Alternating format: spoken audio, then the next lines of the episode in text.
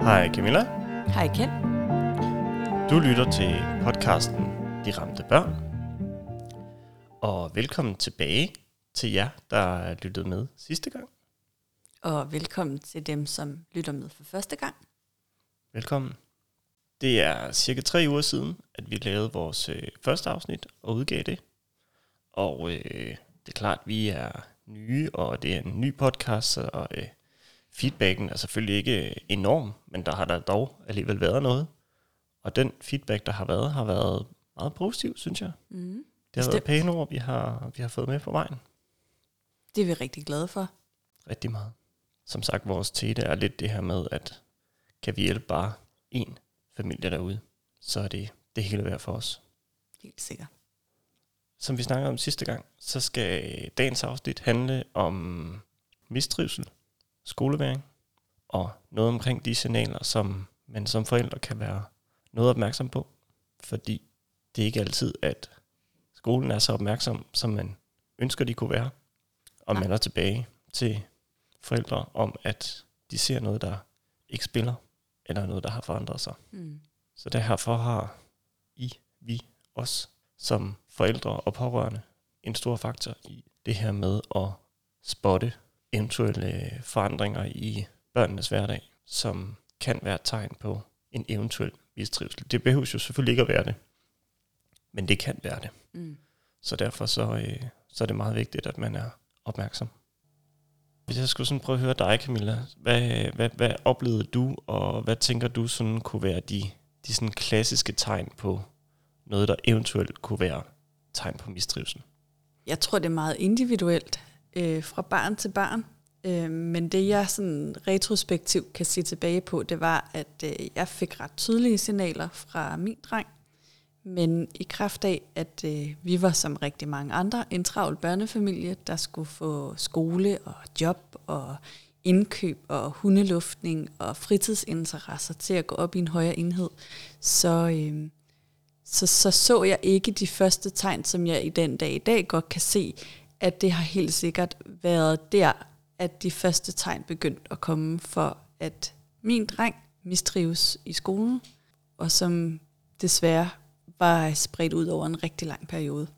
Altså, så de druknede sådan en lille smule, kan man sige, i hverdagens øh, stress og ja, kan man måske godt strække sig til at sige. Ja, eller jeg så i hvert fald ikke betydning af det på samme måde. Jeg tænkte mere sådan brændslukning, brændslukning, brændslukning, frem for at se, mm, er det her et signal på noget, som jeg skal være opmærksom på senere hen, fordi begynder det her at blive til noget, hvor jeg skal tage mere affære, end at jeg forsøger at brændslukke lige nu. Og hvis du sådan skal præcisere det en lille smule, hvad kunne de, de første signaler så være? Snakker vi ondt i maven? Snakker vi hovedpine, øget sygedage? Hvor, hvor er vi henne af? Jeg vil sige, de, de første signaler, som min dreng sendte til mig omkring det at mistrives, det var, at han begyndte at få bekymringstanker omkring bakterier. De havde en overdreven øh, skolepolitik omkring håndvask, og det, øh, det var faktisk min dreng og en af hans gode kammerater. De blev meget forskrækket, så det begyndte lige pludselig at fylde rigtig meget for dem, og det gjorde de rigtig meget.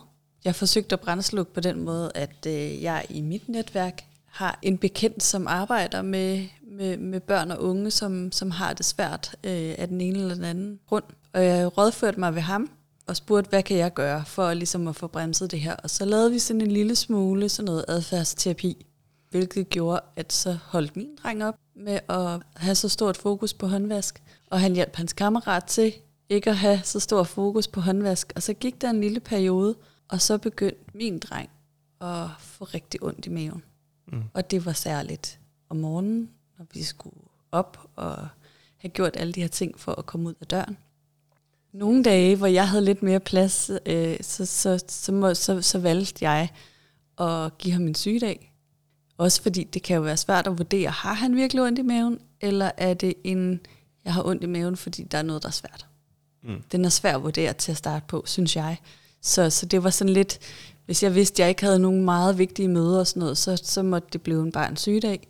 Og hvis det var en dag, hvor jeg havde rigtigt, så, så, så prøvede jeg alt, hvad jeg kunne, øh, for at se, om det nu ikke var den der med, at det bare er lidt svært at komme ud af døren. Altså typisk er sådan noget som ondt i maven, eller ondt i hovedet, eller et eller andet. Det er jo sådan en, jeg har ikke lyst til at komme i skole, jeg er syg, kan jeg godt få lov at blive hjemme. Det er klassiske signaler, og særligt hvis det også er sådan lidt mindre børn. Altså min dreng, han, han var 10, da, da de første signaler begyndte at komme. Og der øh, har de ikke helt udviklet det her sprog omkring deres følelsesliv. Så, så øh, det er en klassisk med ondt i hovedet eller ondt i maven, fordi det, det, er, det er noget håndgribeligt, noget håndterbart, det er noget, vi ved, hvad er. Hvorimod er det her med, at jeg føler mig ked af det, og jeg ved ikke hvorfor, eller at øh, jeg føler ikke, at jeg er en del af min klasse, og jeg ved ikke hvorfor. Mm. Det er nogle ord, der kan være rigtig svære at sige, når man ikke er så gammel. Ja, en ting det er at sige det, men, men det er jo et eller andet sted, fordi man ikke helt forstår det. Man har en oplevelse, eller man har en følelse af noget, der er på en bestemt måde, mm. men det er meget svært at sætte ord på. Ja. Og det er klart, det er jo selvfølgelig, det differentierer sig meget, om det er en i 3. klasse, eller om en i 9. klasse. Helt sikkert. Helt ja. sikkert. Hvad med sådan noget som øh, madpakken? Det var jo sådan en, som øh, jeg jo ville have ønsket, at øh, der blev snakket lidt mere om. Øh, det startede faktisk øh, på min søns skole. Der havde de sådan en kantine, hvor at øh, man kunne øh, tilkøbe sig til, at de så spiste kantinens mad hver dag. Det gjorde vi en periode, indtil at en af min søns øh, klasselærer kom og sagde, at han spiser altså ikke så meget af det der mad, vi får. Så måske var det en god idé, at han fik en madpakke med. Det var jo guld værd for mig at vide, fordi så øh, kunne jeg sende den afsted med øh, min dreng, og vi fik talt om lige præcis, hvad det handlede om. Det handlede om, at øh, min dreng han har øh, noget allergi, øh, og så var han bekymret igen. Nu begynder bekymringstankerne at komme på banen igen. Så var han bekymret for, om der nu var noget i det her mad, han ikke kunne spise. Så derfor så sørgede jeg selvfølgelig for, at han fik en god madpakke med. Men jeg fik ikke rigtig noget feedback på, om den der madpakke så blev spist. Nej.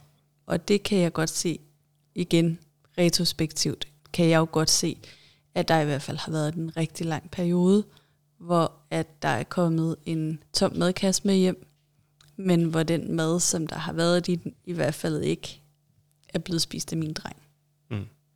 Så den er blevet spist af nogle andre måske, eller bare smidt i skraldespanden? Ja. ja. Det var klassisk. Når jeg kom og hentede ham om eftermiddagen, så skulle jeg næsten have en ekstra madkasse med, for der var han bare glubende sulten. Og når vi kom hjem, så spiste han jo også bare øh, alt, hvad han kunne komme i nærheden af. Hvilket jo så siger til mig om, at han har jo ikke fået noget at spise hele dagen. Han var også en af de børn, som ikke valgte. Han gik på øh, en fritidsordning, og der har de jo som regel sådan noget, sådan noget samlingssnack, som både er et stykke rugbrød og et stykke frugt eller et eller andet. Det spiste han heller aldrig. Nej. Nej. Okay. Så madpakkerne øh, kan jo også være et, øh, et godt sted at... Øh... Ja. Og jeg vil sige særligt det her med, at hvis man tænker mistrivsel, så er det her med at spise sammen. Det kan blive rigtig svært mm. hvis man ikke trives med dem, man skal spise mad sammen med. Ja. Øh, og, og der, der, er det en, et, der er det et meget klassisk signal, men øh, som, som nybegynder i mistrivsel, der var det ikke noget, det jeg sådan naturligt tænkte, som at det må være fordi, at min dreng han ikke mistrives. Altså, det, det blev kørt over på alt muligt andet. Hans allergi, han måske var lidt bekymret for, øh, og når jeg så ikke fik noget feedback på de her madpakker, så var det rigtig svært og helt finde ud af, hvor ligger vi hen.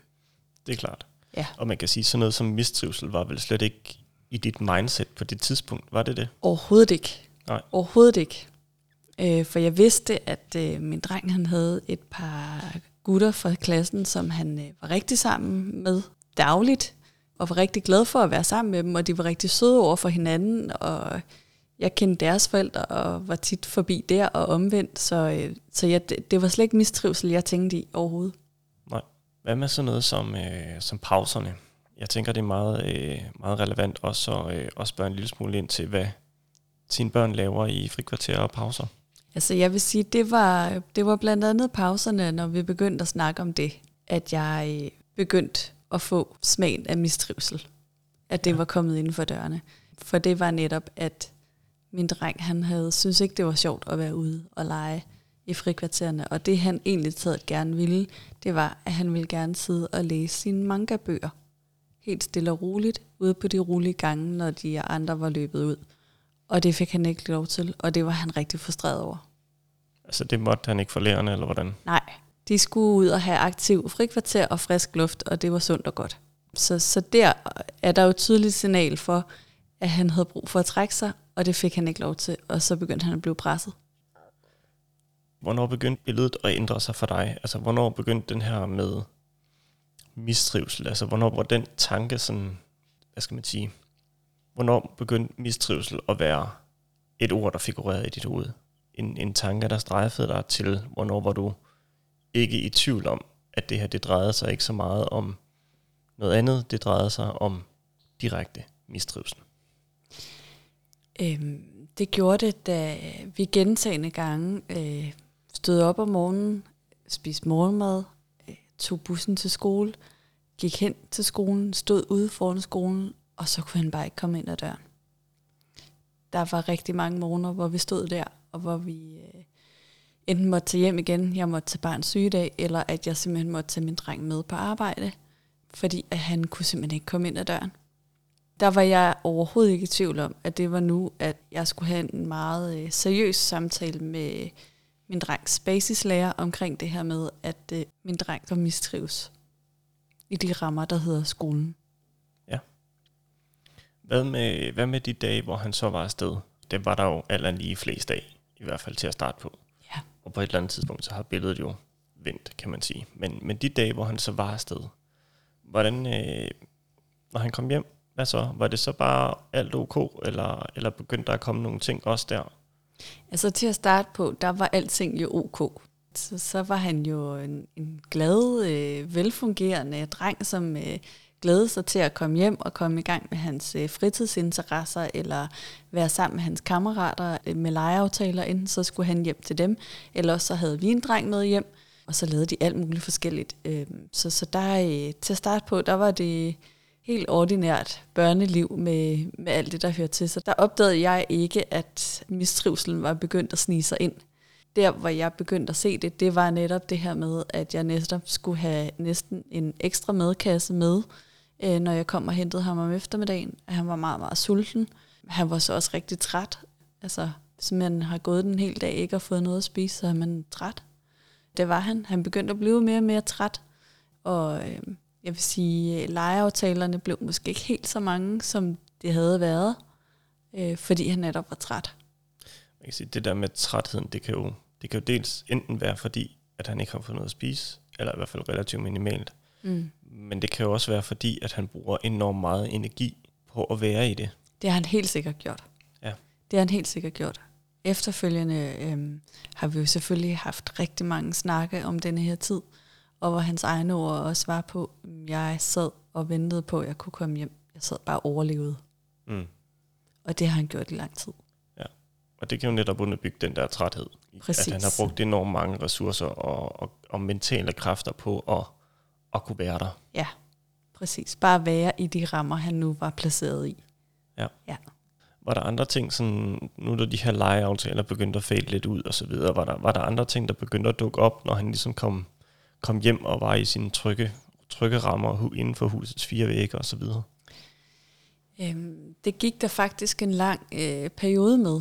Altså øh, sådan noget mistrivsel, det er noget lumsk noget, fordi det, det sniger sig ind, så man ikke sådan lige umiddelbart opdager det til at starte på. Det, det er sådan, ja, det kryber ind, og vi taler, øh, vi taler flere år i mistrivsel øh, med bitte små ting og sager. Et andet, øh, jeg vil ikke sige et klassisk eksempel, men et eksempel, som min dreng han gjorde, han øh, en, i en 7-7-ordning hos øh, hans far og jeg. Og på et givet tidspunkt, så øh, valgte han, at han ville flytte hjem til mig. Og det var helt udenom, øh, altså der var vi voksne øh, bare øh, tilskuere til den beslutning, han havde truffet. Øh, og så blev det sådan. Så, øh, så der, der var det helt tydeligt, at han var i gang med at, øh, at trække sig og være der, hvor han tænkte, at der var bedst for ham at være. Dialogen med skolen. Hvordan, øh, hvordan, hvordan foregik den? Var det, øh, var det skolen, der kastede en bold op, eller var det dig, der kastede en bold op og sagde, der er noget her, vi skal snakke om, eller hvordan, øh, hvordan foregik det? Det var mig, der indkaldte øh, til møde med min drengs øh, basislærer, øh, baseret på, at han ikke var glad for at gå i skole.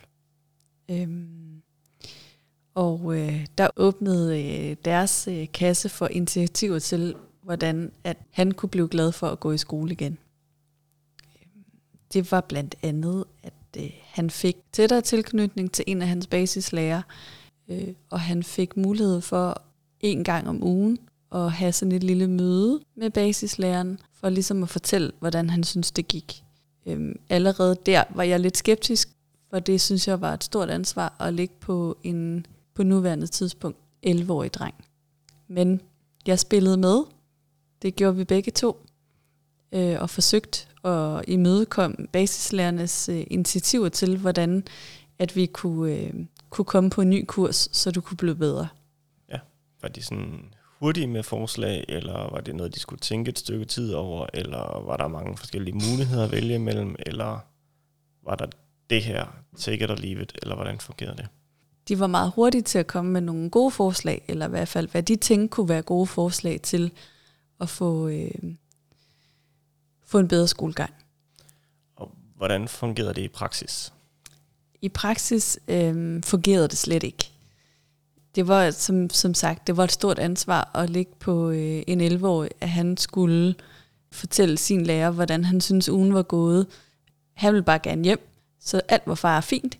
Og det øh, i en travl hverdag, når at barnet står foran en og siger, at det går fint, jamen så øh, er det måske nok også den, man, man løber med selv.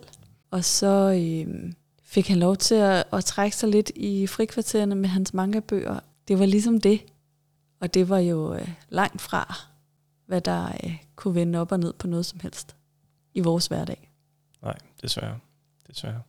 Hvornår, øh, hvornår, var, hvornår var nok nok? Altså, hvornår flød, flød badet simpelthen over for ham? Det gjorde den 7. januar 2020, hvor jeg kom og henter ham. Han kører selv bus hjem. Jeg skal hente ham op ved bussen. Han, han træder ud af bussen, han ligner et spøgelse, og når han ser mig, så bryder han fuldstændig sammen og siger, at nu kan han ikke mere. Ja, og hvad, hvad tænker du?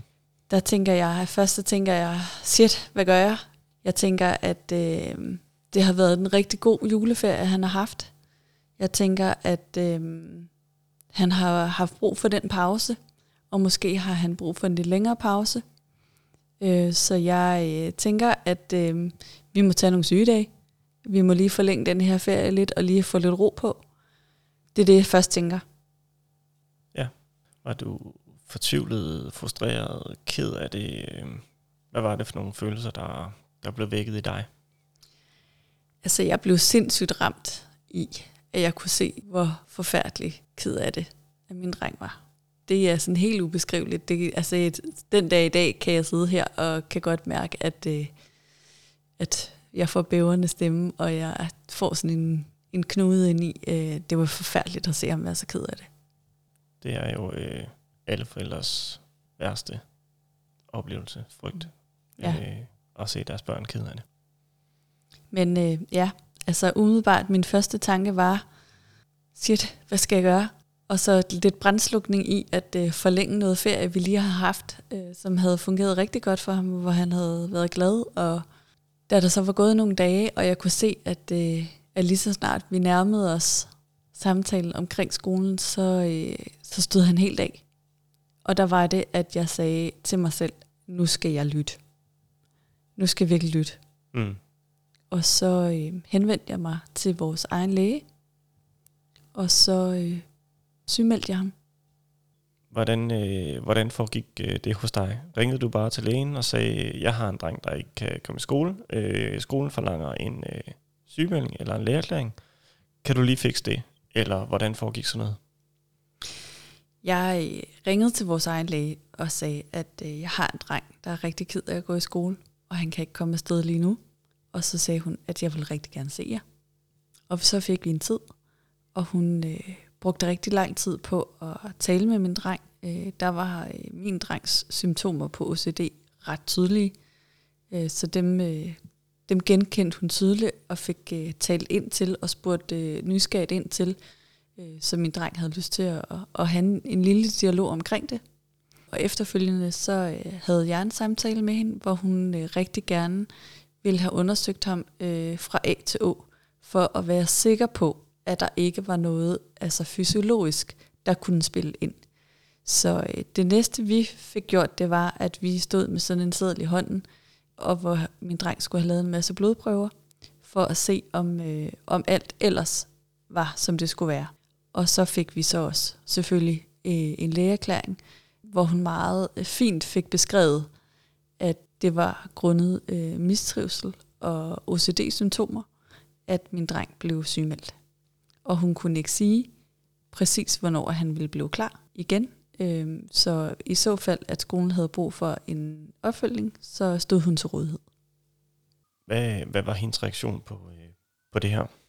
Hun talte øh, meget direkte og lige ud af posten, så jeg synes, jeg hun øh, så øh, min drengs OCD-symptomer og skoleværing som værende en belastningsreaktion, øh, netop på grund af, at han har øh, været i mistrivsel øh, så længe. Så det var, det blev ligesom det, vi talte ud fra, når vi øh, talte med vores praktiserende læger omkring min drengs sygemelding, så er det jo netop det her med hans belastningsreaktion på en, en lang mistrivselsperiode. Og det er jo så tosset den dag i dag, at man kan jo ikke ringe til sin basislærer. Øhm, det hele det foregår over Aula, hvor man skal skrive og melde syg og så videre. Øhm, og det gjorde jeg. Og øh, der gik lang tid, og jeg fik ikke noget svar tilbage. Så måtte jeg tage kontakt til skolens ledelse for at sige, øh, vi har et barn her, der er langtidssygemeldt. Hvorfor hører jeg ikke noget? Og det gjorde jeg så ikke, fordi at øh, begge basislæger også var syge. Så der hang jo en besked, en meget vigtig en, en meget følsom besked, som jo ikke var blevet læst. Fordi at øh, begge læger også var syge, og så er der ikke nogen, der åbenbart går ind og kan, kan åbne deres Aula-system. Nej, det er jo noget GDPR og noget alt mulige sikkerhedsregler osv., der sikkert gør, at, at det ikke kan lade sig gøre på den måde. Men i den her situation er det selvfølgelig enormt uheldigt. Ja, det er jo meget sårbart, når man langtidssygemelder et barn, og der rent faktisk går cirka to måneder før, at man kan få kontakt med skolen til at kunne, øh, kunne lave øh, et møde, der handler om, at øh, vi har et langtidssygemeldt barn. Hvad gør vi her? Men der var, skolen reagerede ikke på, at han, altså, de kunne jo ligesom se, at han ikke var i lærer i, i klassen. Altså jeg ved ikke, har man stadigvæk sådan noget navneopråb eller et ja, eller andet? Altså, ja, ja. altså der, der kunne de jo ligesom se. Jeg fik også en sms hver eneste dag, dit barn er ikke mødt i skole. Det får man øh, også, det er sådan en genereret øh, ting, der spiller sammen med Aula. Men, øh, Men skolen nej, jeg, reagerede ikke på jeg det. fik ikke nogen henvendelser fra skolen omkring denne her sygemelding. Hvad går den ud på? Øh, hvor lang tid taler vi? Hvad siger en læge? Øh, er der noget, vi kan gøre? Hvad kan vi støtte op omkring? Øh, nej, intet. Stilhed. Stort ingenting. Ja. Okay. Hvad så, da du så endelig fik hul igennem til skolen og til ledelsen, og så sagde, vi har en langtidssygemelding her. Hvad var reaktionen? Hvad, var det bare, nå okay, eller... Reaktionen var, at øh, jeg blev kaldt ind til øh, et møde, hvor øh, skolens ledelse sidder. Øh, det var ligesom, og en øh, socialrådgiver, der var tilknyttet skolen, sad vi så og snakkede frem og tilbage med, hvad gik hans langtidssygemelding konkret ud på? Øh, hvad kunne skolen gøre for at støtte op omkring? Øh, det var ligesom det, der var rammen. Øhm, Øh, det jeg fik ud af mødet, det var, at øh, jeg skulle sørge for at få en lægeerklæring. Det var, det var første spadestik, hvor man kan sige, den stod jeg jo allerede med og havde stået med i månedsvis. Jeg spurgte ind til, om øh, skolens psykolog, altså PPR, ikke skulle deltage, fordi at det var jo noget mistrivsel, det var jo noget af det her, vi var over i. Det var ikke øh, et brækket ben, en, en forstuet hofte øh, på den måde. Øh, og der fik jeg at vide, at øh, de var desværre ramt af sygdom og barsel. Så øh, de kunne ikke deltage i de her møder lige nu. Nej, okay. Så, så det var ligesom, så stoppede den jo der, fordi at jeg anede jo ikke som forældre, hvad jeg kunne bede om, spørge om, øhm, hvad der, om, der, om, om min dreng skulle indstilles til noget, om vi skulle vente os til tiden anden, hvad pokker vi skulle gøre. Jeg var jo i uh, total survival mode. Uh, jeg havde et barn hjemme, og jeg havde altså også et fuldtidsjob. Uh, så, så bare at få det til at, at, at klappe, stressede mig helt sindssygt. Absolut. Det, det er fuldt forståeligt. Uh, man står der som med følelsen af, at man er palle alene i verden. Uh, og man kan sige, at skolen er ikke super engageret i at øh, informere og hjælpe og guide og så videre. Det, er sådan, jamen, det, det må man selv finde ud af. Øh, vi gør det, som vi mener, vi skal. Hvis man selv mener anderledes, så, så, det er sådan, ja. så skal man selv google sig frem til ting og høre andre forældre og, og så videre. Det er jo ikke lige sådan, man har jo ikke nogen forældre, på, i hvert fald når man er på det her stadie, har man jo ikke nogen allierede forældre, der ligesom har været i samme båd, nødvendigvis i hvert fald. På det er chancen nok i hvert fald relativt lille for ingen måde. Jeg var selvfølgelig presset med at skulle have vores hverdag til at hænge sammen med øh, have barn øh, syg og fuldtidsarbejde til at hænge sammen, og øh, var følt mig meget alene i det. Mit arbejde var jo lige så fortvivlet på nogle punkter, som jeg var, og at den der kæmpe store skyldfølelse, jeg synes, at skolesystemet fik lagt på mig omkring, hvorfor går dit barn ikke i skole? Kan du ikke bare sende ham ud af døren? Du kan da bare lige, der fik jeg, øh, der blev jeg sgu ramt af noget skyldfølelse, hvor jeg tænkte, hvorfor kan jeg ikke bare det? Det kan jeg ikke. Jeg føler, jeg føler det er decideret overgrebsagtigt, hvis jeg skal sende mit barn ud af døren nu. Og det vil jeg simpelthen ikke være med til. Nej, men, men det var simpelthen det, som, det var det indtryk, skolen egentlig efterlod dig med. Ja. Det var den her af, hvorfor gør du ikke bare... Ja. ja. Det er meget alvorligt, når dit barn ikke går i skole. Og det er jeg helt enig i. Det er meget alvorligt. Men øh, når dialogen stopper der, så, så, så synes jeg på daværende tidspunkt, så lå den brændende kartoffel jo lidt ligesom på min tallerken. Ja. Og jeg anede ikke, hvad jeg skulle gøre med den. Nej. Hvor lang tid øh, strak det her umiddelbare forløb sig over? Altså hvor, hvor det var dig og skolen alene, der havde en dialog frem og tilbage? Et halvt års tid, hvor vores sidste møde, der var PPR repræsenteret, øh, og så begyndte det faktisk komme med nogle gode forslag og noget rul og noget konkret, der kom på bordet. For førhen der, der blev det jo sådan noget med, om jeg ville øh, hjemtage øh, min drengs undervisning, hvilket betød, at så skulle jeg jo stå for hans undervisning, samtidig med, at jeg havde fuldtidsjob, samtidig med, at han var sygemeldt, øh, som jo slet ikke ville kunne hænge sammen Ja, det kan man sige. Det er jo sådan den, den praktiske ting i det mm. her med at hjemtage en undervisning. Men der ligger jo også et helt andet ansvar i det spørgsmål. Helt sikkert. Fordi man kan sige, at skolen har jo sådan set undervisningspligt, eller kommunen har undervisningspligt. Ja. Og dermed også skolen. Og man kan sige, at i det øjeblik, at de så stiller dig spørgsmålet, om du vil hjemtage undervisningen. Altså havde du svaret ja til det, så var der jo et kæmpe stort ansvar, som skolen kunne frelægge sig, og så sige, hey, det er dit problem nu. Ja. Du har valgt aktivt at sige ja til at hjemtage undervisningen. Så kan man sige alt det praktiske omkring, hvordan griber man lige det ind i forhold til niveau og undervisningsmateriale og bøger osv. osv. Det er jo sådan set nok et stykke hen ad vejen den mindste del af det. Den, den, den helt store del, den ligger jo i det her ansvar med, hvordan løser vi så en kommende undervisning og alt det, vi kommer til senere. Fordi hvis du havde accepteret at sige ja til at, at hjemtage undervisningen, så var skolen jo ansvarsfri på den del, og, og kommunen vel i virkeligheden også. Så var det bold Nej, ikke, ikke kommunen, men, men, men skolen var fritaget for ansvar for skolepligt. Skoleundervisningspligt, ja, ja. helt sikkert. Så øh, man kan sige, øh, det, det er jo et, et yderst udspekuleret spørgsmål fra skolen af i virkeligheden. Det må man sige. Jeg anede det ikke. Øhm, jeg tror, grunden til, at de tænkte, det måske kunne være en mulighed at præsentere mig for, at jeg var jo forældre, jeg var jo også godt klar over, at jeg også skulle være medspiller på nogle af skolens præmisser, fordi jeg var ret afhængig af, at vi fandt en god løsning, øh, og vi havde en dialog, fordi at det var jo mig, der havde barnet derhjemme, der ikke fungerede i deres ramme, og havde brug for noget hjælp fra deres side, så jeg var godt klar over, at jeg havde brug for at være en medspiller, så jeg kom i hvert fald også selv med gode udspil til, hvordan at min dreng ikke kom alt for meget bagud på det selve skolemæssige.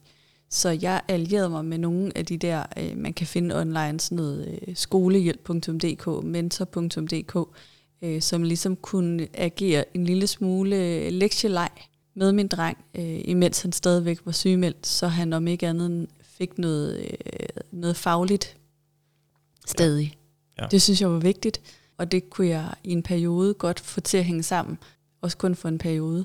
Og det var jo noget, jeg selv betalte for. Ja, for man kan sige, der er jo en økonomisk del i det der. Ja. Øh, sådan nogle mentorer, de er jo ikke gratis. Langt fra.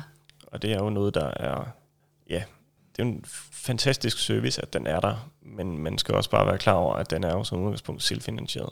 Ja. Så det betyder, at man, man selv skal have penge op i lommen. Man kan sige, Du var i en situation, hvor, hvor du havde luft til det, Ja. og kunne gøre det i en periode. Mm. Man kan sige, perioden var måske ikke så meget økonomisk afhængig, men- mere i forhold til, hvornår begynder det ikke at fungere øh, Præcis. på den måde, som, som det skulle. Men der kan være masser af familier, som ikke har mulighed for at hyre sådan en mentor Præcis. rent økonomisk. Det burde heller ikke være det, der er ligesom... Men, men jeg tænker, at det var det, der ligesom for skolen sagde, at præsenterede mig for, at jeg kunne jo også bare 100% kunne hjemtage hans undervisning. Hvor at jeg, uden at vide, hvad jeg egentlig taget, sagde ja eller nej til, bare sagde nej. Det skal jeg ikke. Og det var nok meget klogt, Ja, at du gjorde det. helt sikkert.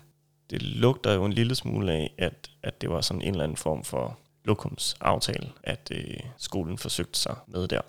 Ja, altså jeg vil sige, det halve år før, at PPR var repræsenteret til vores bekymringsmøder, det var ikke andet end altså sådan lidt lokumsaftaler. Til sidst så blev det nærmest med sådan en, en mail om, at jeg bare lige skulle huske at få en ny øh, sygemelding. Det var ligesom det. Men, øh, men da, da PPR endelig, langt om længe, kom til vores møder, så begyndte der at komme nogle gode løsninger på bordet. Min dreng, han fik øh, sygeundervisning, det vil sige, at for den kommune, vi bor i, Københavns Kommune, har et korps af lærere, som tager ud til sygemeldte børn, og de kan være sygemeldt med alt muligt. Men der kommer to lærere ud, og de øh, har primære fagene dansk, matematik og engelsk, øh, som de primært underviser i, og det kan være i kortere og længere perioder.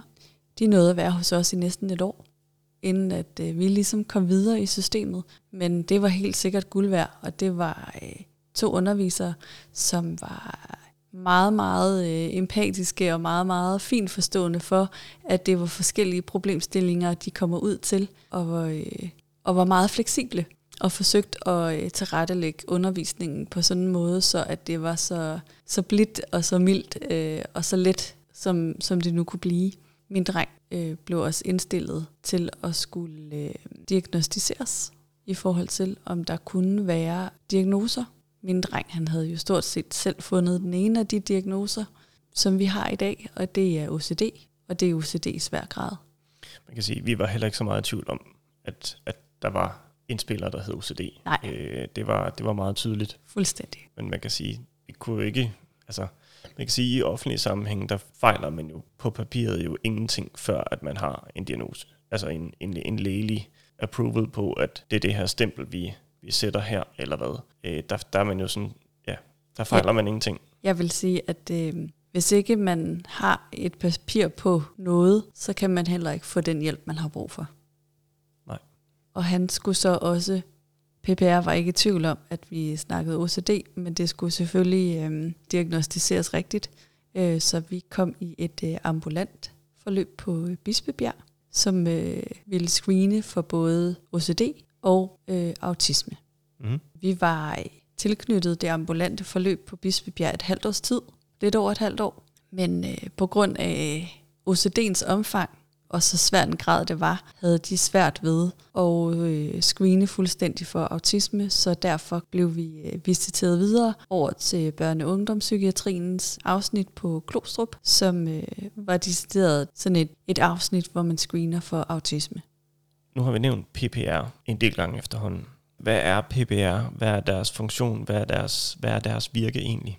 PPR står for pædagogisk psykologisk rådgivning, som er tilknyttet alle skoler. Og hver skole har jo forskellige distrikter, og øh, nogle rigtig store skoler har helt deres egne. Andre øh, mindre skoler øh, er fælles om at have en PPR-repræsentant til stede. Jeg vil anbefale, at man som forældre beder om, at PPR er til stede, når man netop øh, har med mistrivsel at gøre. For det er PPR, det er dem, der ligesom øh, har de bedste værktøjer. Det er dem, som øh, også kan visitere videre, hvis det er det, der er behov for. Ja, men er det fra første møde, eller er det, skal man, skal man trække den lidt og lige se, hvad, hvad kan skolen tilbyde, eller, eller skal man bare være hardcore fra starten af og sige, hvis vi skal til et møde med jer, så forlanger vi, at PBR er til stede. Og kan man det? Kan man forlange det? Altså, jeg vil rigtig gerne kunne sige ja. Jeg tror måske, at øh, skolerne er også presset, øh, men, men jeg vil sige, at er overskriften øh, sygemelding grundet mistrivsel af den ene eller anden grad, så bør PPR være repræsentant til alle møder. Som sagt, det er der hjælpen ligger. Alt andet er at trække tiden ud. Som tingene ser ud lige nu, ulykkeligvis, så øh, skal man visiteres videre til noget, så er der jo ufattelig lang ventetid. Og det er en pædagogisk, psykologisk rådgiver, som kan se, hvornår er der tilstrækkeligt til, at det er en god idé at blive visiteret videre. Øhm, ja. I så fald til hvad? Præcis. Ja. ja.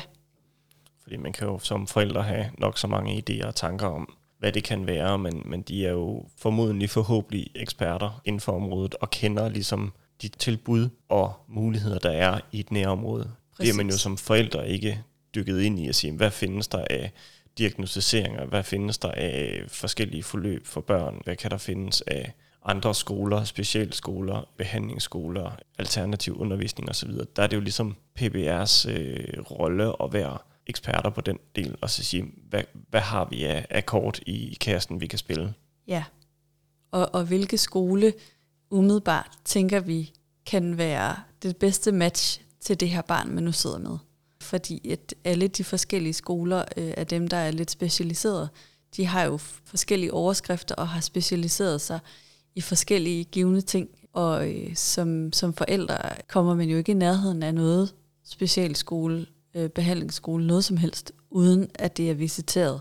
Altså det, det, det kan man ikke. Og man kan sige, en del af de alternative skoler, der så måtte være, af behandlingsskoler og specialskoler osv., de kræver oftest, eller ikke ofte, de kræver faktisk altid en eller anden form for diagnose.